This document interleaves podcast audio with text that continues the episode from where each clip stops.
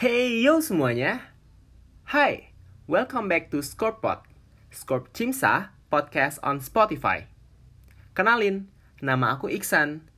Aku merupakan Cimsa Humanitarian Response Team atau disingkat sebagai CHRT, Center for Indonesia Medical Student Activities.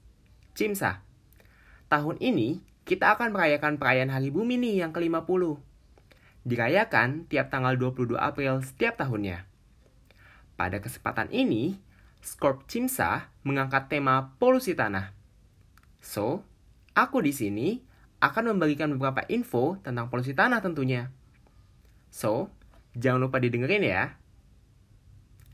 Well, teman-teman, sekarang ini kita lagi dalam masa PSBB atau pembatasan sosial berskala besar atau bahasa kerennya itu disebut-sebut sebagai physical distancing. Hal ini terjadi karena adanya pandemi COVID-19. Mungkin banyak dari kalian semua yang sudah ngeliat di media sosial bahwa banyak banget tuh perubahan yang terjadi pada bumi kita selama masa physical distancing ini.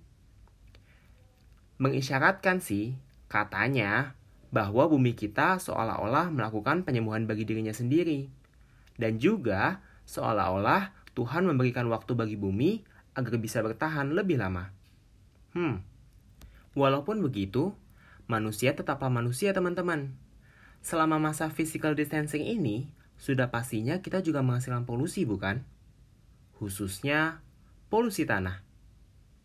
Iya, betul banget. Banyak sampah yang diproduksi oleh rumah tangga yang semakin hari semakin tambah banyak mulai dari sampah plastik, sampah kaleng, hingga sampah masker. Hal ini diperparah dengan kesadaran masyarakat yang sangat kurang untuk mengurangi produksi sampah di lingkungannya. Lalu, kita bisa apa nih? Hmm, teman-teman, sebenarnya kita bisa banget tuh ngelakuin banyak hal. Kita bisa mulai dari hal kecil, yang kita mulai dari diri kita sendiri. Nah, Aku ada beberapa tips nih buat kalian. Oke, tips pertama. Satu, kalian bisa mengurangi kegiatan yang memproduksi sampah plastik. Kalau kalian sedang belanja ke supermarket atau pasar tradisional, kalian bisa banget tuh bawa kantong belanja dari rumah.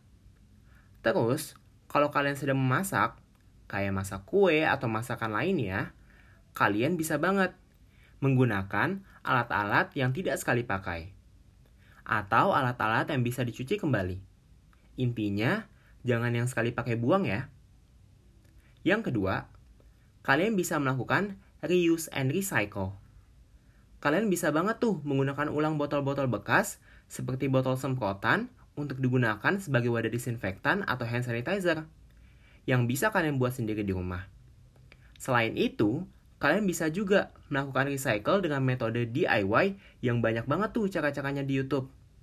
Atau, misalkan kalian pengen berkebun nih. Kalian bisa banget tuh menggunakan botol-botol bekas yang kalian ubah sebagai pot-pot mini. Bisa sebagai wadah juga kan untuk menanam sayuran.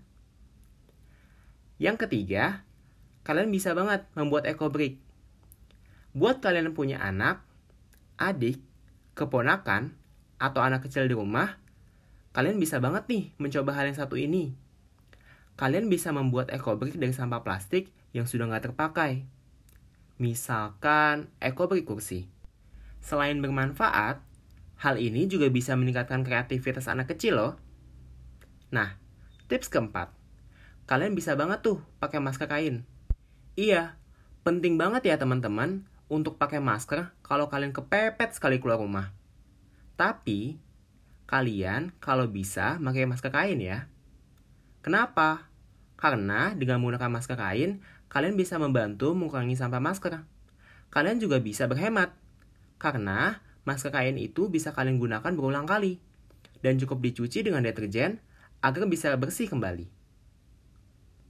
Oke, mungkin sudah selesai pembahasan kali ini. Semoga bermanfaat ya untuk semuanya. Kalau ada pertanyaan, bisa banget tuh ditanyain via DM ke Instagram Scorp Cimsa. At Scorp Cimsa. Aku Iksan, pamit undur diri. Jangan lupa selalu menjaga kesehatan dan tetap di rumah aja. See ya at the next Scorepot. Bye-bye!